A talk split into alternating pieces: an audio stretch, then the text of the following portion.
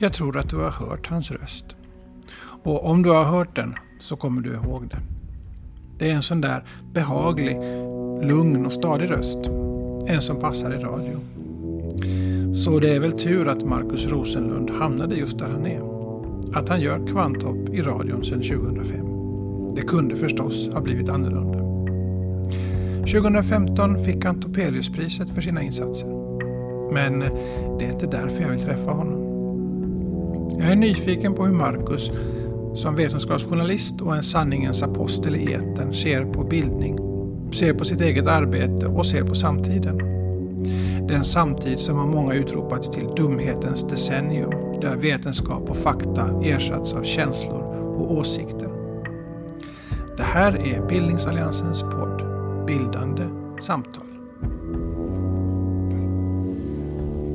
Bildning, ja bildning det är ju, det är ju så, så mycket mera än sånt som man läser och jag är lite själv fascinerad av den här gamla metoden att uh, förmedla bildning som, som jag på något vis har känt mig som en del av mm. här på radion mm. redan länge som, som på något vis är, går tillbaka till de gamla lägereldarna som våra förfäder satt vid och, mm. och berätta saker som de hade sett och hört under dagens lopp och på det här viset spreds det vidare. Norden är, är ju Eh, den muntliga traditionens lovade land sedan länge.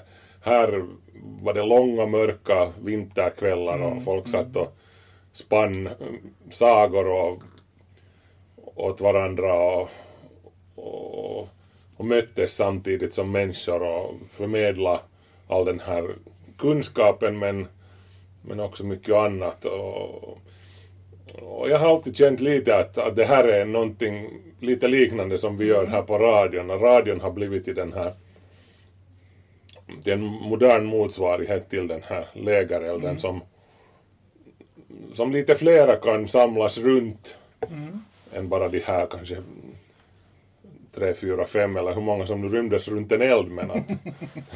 ja, samtidigt var ju det mer intimt. No, det, det var det men men, men radion kan vara jätteintim och det, mm. radion är, jag skulle säga att radion och podcasten den är i ännu högre grad faktiskt. För där väljer, den, där är det liksom ett, den som väljer att lyssna på podcasten så, så väljer inte bara att komma till, till mig när jag talar utan den väljer dessutom när och var det ska mm, ske. Mm, mm. Det, eh, radion kan alltid stå på i bakgrunden men den men, men podcasten måste lyssnaren fatta ett, där måste lyssnaren fatta ett aktivt beslut mm. att komma till mig just och, och, lyssna på just det som jag har att säga. Men, men det är som sagt ett väldigt det, det, det är ett väldigt intimt sätt att, uh, att tala till sina lyssnare, radio överhuvudtaget. Mm. Uh, det, det, det är ju liksom bara det, det här avståndet från min mun till mikrofonen som mm. det finns ingenting annat där. Mm. Du har inte, på, på samma sätt som TVn har, har sina bilder, som de, de, de målar upp färdiga bilder, de har illustrationer, de har grafer och statistik och de har det ena och det andra men, men i radion eller podcasten måste vi måla upp bilder i, i människors huvuden bara med hjälp av vår röst. Mm. Det, och det där avståndet från munnen till mikrofonen. Det är liksom allt vi har att jobba med. Alltid lyckas vi kanske inte med det, men då, då när vi lyckas med det, så när vi lyckas förmedla det där någonting, mm. så, så det, det är en ganska fin känsla. Men du ser det som en folkbildare på det sättet, alltså som delvis i alla fall? Ja, no, det, det, folkbildare låter ju som, som, som ett ganska eh, maffigt och pampigt och, ord, men, men ja, ja, alltså på sätt och vis min, min gamla mormor, frid över hennes minne, hon var hon är liksom det som jag kommer att tänka på när jag hör ordet folkbildare. Hon var en småskolelärare, lärarinna kallar hon, inget genus det här tänk där. Det, hon var st stolt lärarinna. Ja. Uh, hon var, eller som man säger på finska, kansankynttilä. Mm. och, och det där, det är en väldigt fin tradition. Skulle jag inte ha kommit hit så skulle jag säkert ha kanske blivit lärare istället. Mm. För, och det är inte bara det där att äh, berätta någonting uppifrån ner till en mm. skara passiva äh, åhörare. Hon, hon var, jag, jag blev alltid lika förvånad när vi var ute och gick på stan med min mormor. Hon, alla som kom emot, eller väldigt många som kom emot så var, någon var en gammal elev till henne och de, de stannade alltid och, mm. Och talade lite och tackade för, för vad hon gav dem under, en, under skoltiden och, och så vidare. Mm. Det, det, det är jättefint och jag, jag hoppas ju att jag äh, kan, när jag pensionerar mig härifrån, också kan gå ut på stan och vet, mm. det kommer emot folk som mm hej du, du, jag har lyssnat på dina program och, mm. och, och, du fick mig att tänka på det och det. Och det, det är liksom det bästa betyget man kan få som folkbildare inom citat. Eh, eh, klassisk folkbildning har ju flera olika konnotationer. En av dem är att man att till det hör en viss um, uh, vilja att fostra människor till ett visst tänkesätt. Inte bara mm. att berätta hur saker och ting ligger till utan också med, med på, på, hur man berättar och vad man säger så vill man uh, knuffa folk i en viss riktning, mm. om det sen är demokrati eller, eller tolerans mm. eller vad det sen är. Känner du att du har ett sånt ansvar? Eller, eller är du bara den där förmedlaren som skapar lägerelds, den digitala lägerelden? I början kanske jag inte kände så mycket av det, det där. Jag har alltid varit mera av den här sorten som hör någonting fascinerande, jag läser någonting. Mm. Wow, hej, visste ni? Har, har ni hört det här? jag fick genast en lust att springa vidare och berätta det åt en massa människor. Mm. Bara av, den, av pur glädje att, att få berätta någonting mm. spännande som mm. jag har läst. Men, men det har nog kommit med mera på sistone, de senaste åren, i takt med att det har börjat spridas en sån massa galenskaper mm. i samband med internets frammarsch då förstås när när allting tycks vara ute och flyta mm. numera. Allting, ås, vilken som helst åsikt väger lika mycket som en vetenskaplig sanning och det är ju, mm. det är ju ganska tragiskt för det har, det har farliga och långtgående konsekvenser för demokratin och för, för hela världens framtid och det, det är farligt alltså när, när åsikter börjar väga lika tungt som, som, som vetenskapliga fakta. Mm. Och då då känner jag att, att nej nu, så här kan det ju inte få gå till och då, då kommer den här då, då, då, kommer den här biten fram i mig mm. att jag, jag måste bilda mm. Mm. Uh, men man får inte börja predika då heller, man måste fortfarande lita på att att fakta uh, inte är tråkigt. Det behöver inte vara liksom mm. fa fakta kan vara precis lika spännande och fascinerande och trollbindande som som de här myterna och skrönorna som, som... Men är inte det lite grann av, av utmaningen just för att eh, om man tänker på upplysningstiden och tanken på att tron på att med, med, vetenskap, med kunskap, med förståelse, med fakta på hand så ska vi kunna fatta de bästa besluten och vi kommer alltid att förbättra samhället. Och, och det har länge uttalats om att upplysningstiden som sådan, ända sedan 1700-talet och fram till idag, att, att den har korroderat, att det inte längre finns någon så tydlig riktning och det som blir kvar är storytelling, berättande och känslor. Mm. Och du sa just att lägerelden, både den där man samlades runt brasan i grottan och den som är den digitala lägerelden, mm. ju mycket bygger på stories, på berättelser, på att levandegöra saker. Så vi befinner oss redan i, kanske tror jag, en tid där inte vetenskapen har alla svaren. Jag säger, jag säger, inte att man ska ersätta det med åsikter som vad som helst går an. Men jag, men jag tycker att det är ett dilemma på något sätt. Att det, är, mm. det är mycket otydligare idag än vad det kanske var för ännu 30 år sedan. När man fortfarande kunde tro på social ingenjörskonst, på mm. folkhemmet, på utvecklingen. Att vi, ska alla, vi vill alla åt ett ja. visst håll. Ja, det är klart. Alltså vetenskapen vetenskapen hade sin mest kaxiga period kanske någon gång för no, det blir mer än hundra år sedan, när Newtons mm. tänkande ännu var, var det som dominerade. Då var världen var en, ett stort urverk vars mm. rörelser man kunde förutspå långt in i framtiden. Om du visste var den här kuggen är nu så kommer du att kunna räkna ut var den kommer att vara om, om en miljon år eller var den här mm. planeten är och så vidare. Men, men sen kom, sen kom Einstein, relativiteten, som, som sådde lite tvivel i det hela. Ah, jaha, det är inte så enkelt. Sen kom, sen kom kvantmekaniken som gjorde bilden ännu mera råddig och, och vetenskapen har fått finna sig i eh, att, att, att det inte är så enkelt. Det, det här är en, en resa som vetenskapen har varit tvungen att göra, att växa upp lite. Mm bli lite ödmjuk och, och, det tycker jag är helt bra.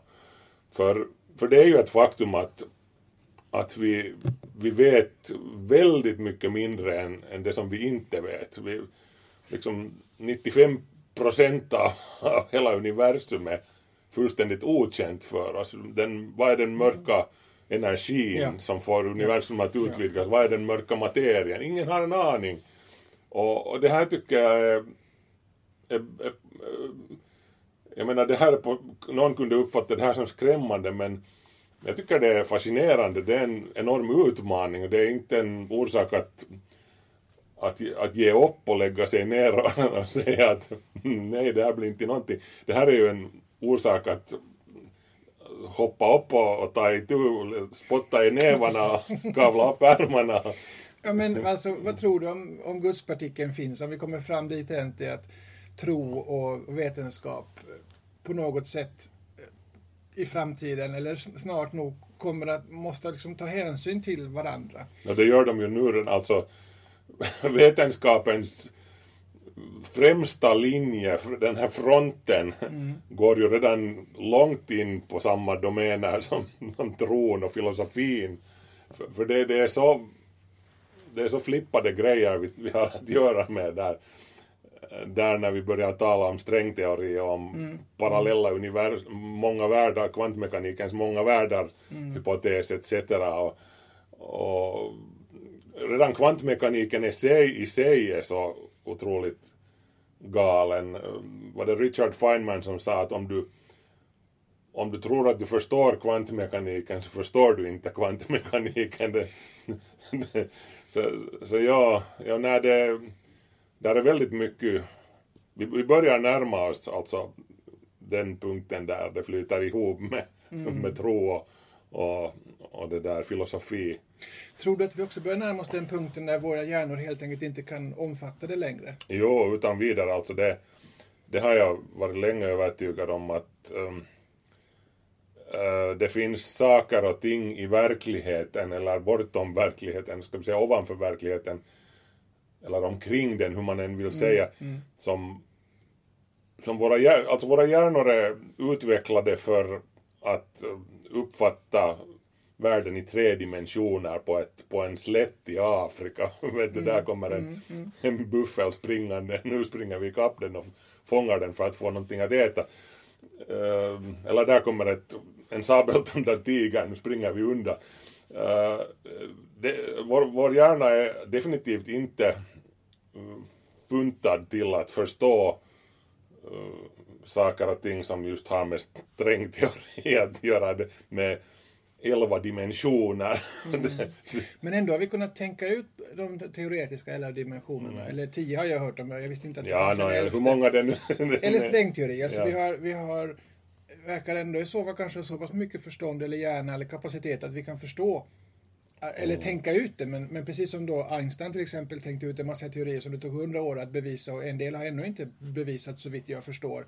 Så, så, så vi, har, vi är liksom inte helt tappade bakom en vagn på det sättet. Nej, nej, och vi, vi har ju vi har ju ett väldigt bra språk för, för det hela. Vi, vi, kan, mm. vi kan översätta de här obegripliga dimensionerna till, till ett språk som vi, eller åtminstone vissa av oss kan förstå, det är matematiken. Ja, ja. Och jag, jag är jättedålig på matematik själv, jag har alltid varit det, men, men matematik, jag har en väldigt stor respekt för matematiken och för, för de, som, de som kan tala om universum och de här, de här ogripbara grejerna med matematiken som språk, det, det är redan väldigt stort.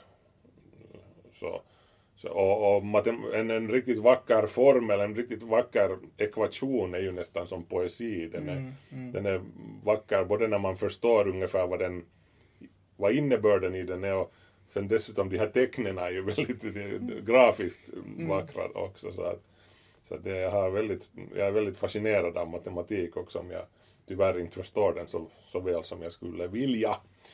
På tal om det, lär du dig fortfarande nya saker? Alltså för jag, jag tänker jo. så här, vi som jobbar med, med livslångt lärande, vi säger ju att det är faktiskt så att vi lär oss så länge vi lever, om vi bara mm. orkar ha ögonen och öronen öppna. Ja. Ibland kan det ju kännas att det blir lite för mycket. Att, man, mm. att det är så mycket att ta in och det på något sätt känns som någon slags prestation mm. att man måste lära sig hela tiden. Det, det, ja, utan vidare, man kan lätt få den där känslan av att det, det blir för mycket. det finns så mycket saker att lära sig, så lite tid. Mm. Men, men ju äldre jag blir desto mindre stress tar jag för det här. För, mm. för det där.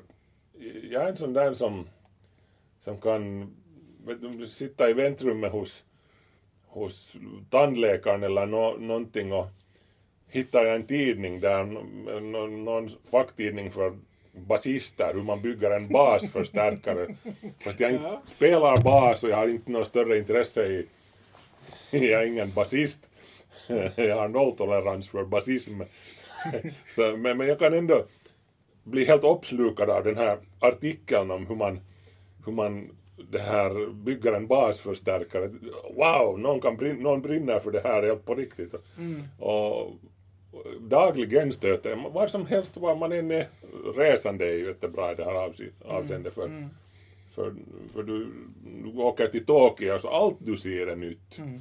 Mm. Allt, liksom, allt sammans. Och, och det här är inte någonting som man behöver ha som ett aktivt mål att ställa upp att nu ska jag lära mig si och så mycket varje dag. Utan det är bara att världen är ju så stor och innehåller så löjligt mycket saker som vi ändå aldrig kommer att hinna lära oss. Det, mm. det är bara att plocka lite här och lite där och, och ta med sig så mycket som, som man har kapacitet och ork för. Och behöver man ha någon stor plan för att jag ska, jag ska bli det här, jag ska lära mig alla fåglarnas namn på latin. Utan lite här och lite där. Och, och, och det, för det måste vara, det måste kännas att att jag verkligen vill lära mm. mig det här. Det måste kännas att mm. aha, det här vill jag veta. Inte sådär att aj nej, måste jag nu lära mig någonting igen. Varje, om man, om man varje dag har en liten stund av den här barnsliga upptäckarglädjen så det, det är liksom det är vad jag strävar efter. Jag kan tänka så här att när jag blir äldre att jag har mindre tålamod med vad jag kan känna var idioter eller folk som inte anstränger sig ja. eller eller folk som är tvärsäkra på saker och ting som jag vet inte riktigt sådär enkla. Och då blir jag lite glad när ni hittar på eh, besserwisser som namn på er podd. För det är lite tongue in cheek, det är lite glimten i ögat. Liksom, nu ska jag tala om för dig hur det ligger till lite grann sådär. ja, besserwisser, ja. Eh, ja, det, det var visst Terry Pratchett, en av mina favoritförfattare, som sa att, att jag, jag föredrar långt mera sällskapet av dem som letar efter sanningen än de som tror att de har hittat den. Mm. och det, man ska inte ta de här grejerna så allvarligt. Livet, livet är som en lång, ett långt avsnitt av Monty Pythons flygande cirkus. Liksom. Det, det är absurt. Det, ja. vi, vi är hårlösa apor som har yrat oss hit till norra Europas söder om inlandsisen. Liksom och går här och förundrar oss över, försöker hitta på en, social, en vårdreform. Och det, livet är så absurt helt enkelt. Det, man ska inte ta det så jätteallvarligt. Så du kommer inte ut, du försöker inte leverera några på det sättet sanningar? Nej, sanning, sanning är, jag är lite allergisk för ordet mm. sanning. Det, det, sanningar finns det lika många som det finns människor. Det finns mm. betydligt flera sanningar än det finns människor antagligen. Jag, jag föredrar verkligheten. Mm. Oh, verkligheten. Ja, till och med den är ju antagligen Väldigt Väl- konstruerad och individuell, eller? Ja, eller men, men, till och med den kan till sin innersta natur vara luddig och mångbottnad och om, vi, om det här Stephen Wright och de här andra många världar teoretikerna har eller hade rätt så finns det en, en oändlig mängd verkligheter också. Men om vi nu, ut, för att nu på något vis bibehålla den här kompassen i tillvaron så måste så har jag i alla fall valt att utgå från att vi har en verklighet som alla delar. Som är, vet du, var vi än är på jorden så är gravitationen samma, vacciner fungerar, jorden är rund. Vi- Vissa sådana Ja, saker. men jorden är ju inte rund. Ja, och men- gravitationen är ju inte samma om du är högt uppe och om du är vattnet och vad du sen är. Ja, okej, jorden är en geoid för att nu vara riktigt. Och, och gravitationen varierar, ja den är lite större vid ekvatorn och lite. Mm. No, så, no, ja, men, men anyway. Vi har i alla fall de, de här gemensamma nämnarna som jag kallar verkligheten. Det, Ja. det som, som, oavsett om du är muslim eller kommunist eller nyliberal eller Tea Party-tomte eller vad du än är så, så, finns det de här sakerna i verkligheten som vi kan komma överens om att så här är det, eller det är i alla fall vad jag skulle önska att vi skulle komma överens om. Vissa saker i verkligheten, att så här är det, och det, det här behöver vi inte slåss om.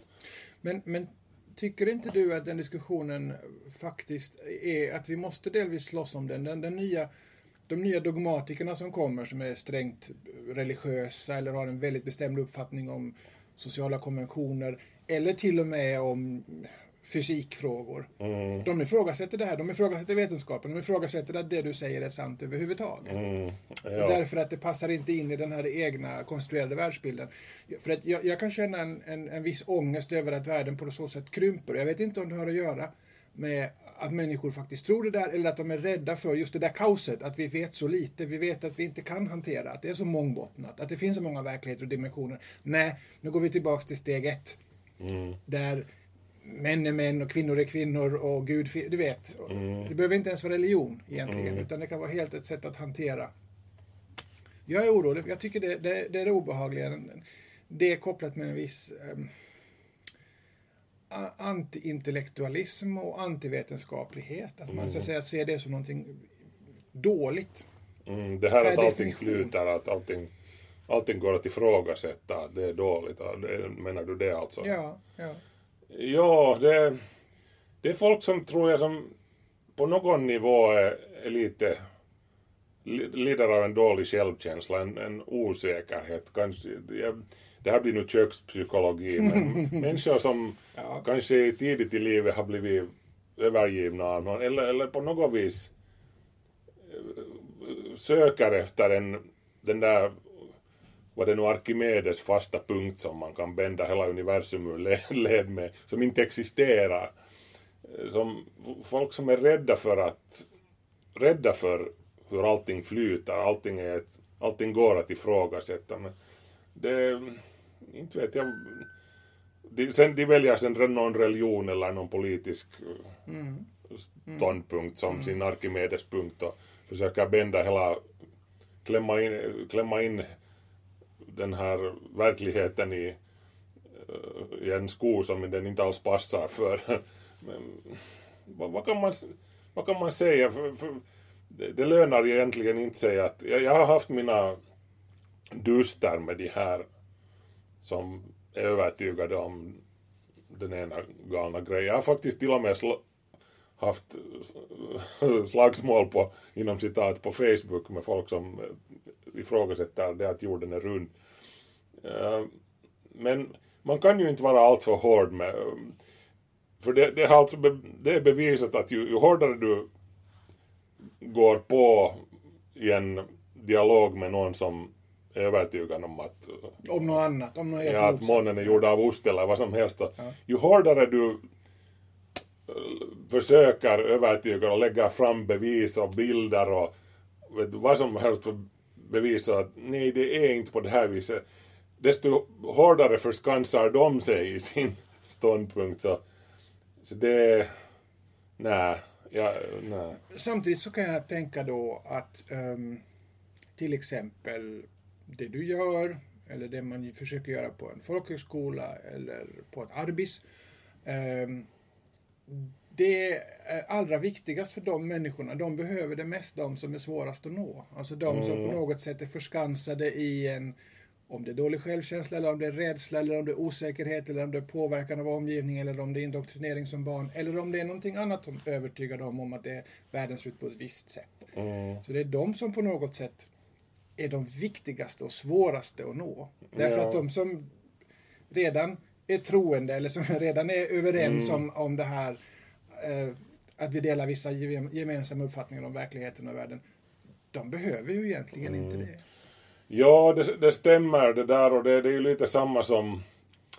Det, det finns väldigt många av de här som är till exempel väldigt aggressiva eh, det här böghatare så att säga som, som tycker väldigt illa om, om homosexualitet, alla olika former av alternativ sexualitet. Så, så, så det är ju egentligen, sen visar det sig, sen, sen i något skede åker de fast själva med byxorna nere på en herrtoalett någonstans. Det är väldigt vanligt. Det Det, det, är, det, är väldigt, det, är, det är en form av, vad heter det nu, Eh, Självhat, självförnekelse, ja precis, eh, undertryckt aggression. överkompensation av, av något som man döljer innerst inne. Och, jag menar, jag, jag förstår precis vad du menar, men jag, och jag kan ju inte liksom på det viset eh, bygga upp det som jag gör, det är mitt budskap, det som jag säger utifrån, ut, utgående från det här, men, men jag är jag är bara glad om de lyssnar också, om de inte kanske off- offentligt medger att de håller med om det som jag säger om, om det ena, om, om jordens ålder eller om, om, om det ena eller det andra. Det är helt fint för mig. Ly- Om, om, om de bara lyssnar så då har jag ändå gjort, gjort något, då har jag liksom åstadkommit någonting och sen kanske det sår en, det sår en liten, ett litet frö av av tvivel i, Ja, i dem. ja. Som kanske sen en vacker dag växer upp och får gröna blad. Jag vet inte. Och du menar att de då kommer ut ur skåpet som vetenskapsmän och, och universumsforskare och, och de har verkligen tänkt som allra längst på, om det nu är analo- analogi med, med homosexuella eller folk med sexuella, olika sexuella läggningar, att det är inte helt ovanligt att de som kritiserade våldsamt själva kommer ur skåpet. Så Jo, det, är det då sån, de här jorden är platt-typerna eller kollodialt silver-typerna eller vad du vill, Mm. egentligen sitter hemma och forskar som tusan om, om, om världens beskaffenhet.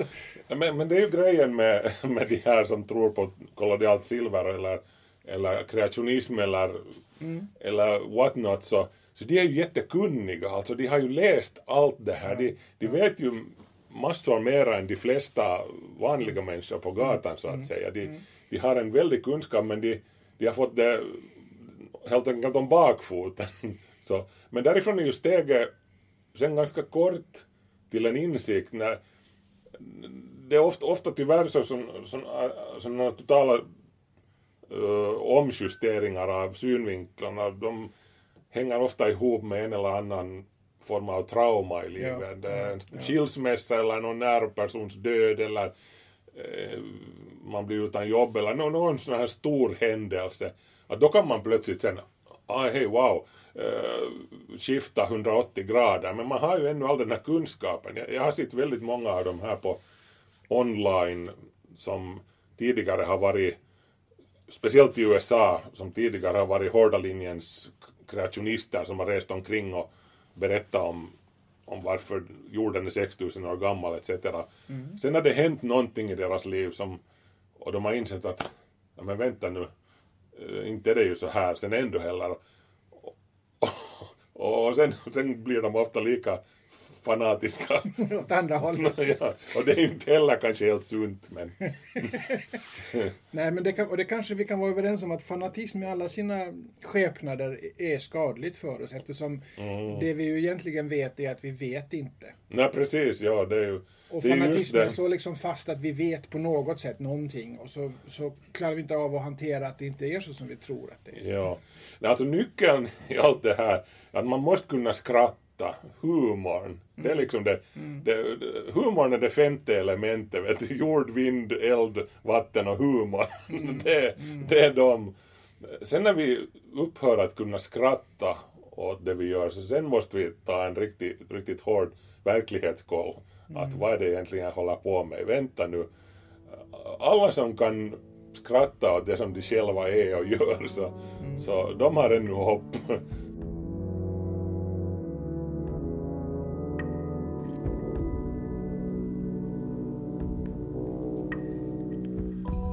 Så länge det finns hopp så finns det liv. Markus Rosenlund. Du kan läsa Markus på hans blogg markusrosenlundblogg.com och du kan lyssna på den nya podden Besser ett visser på Yle Arenan och förstås på hans program Kvanthopp. Det här var ett avsnitt i Bildningsalliansens podd Bildande samtal med mig, Johan Larianko.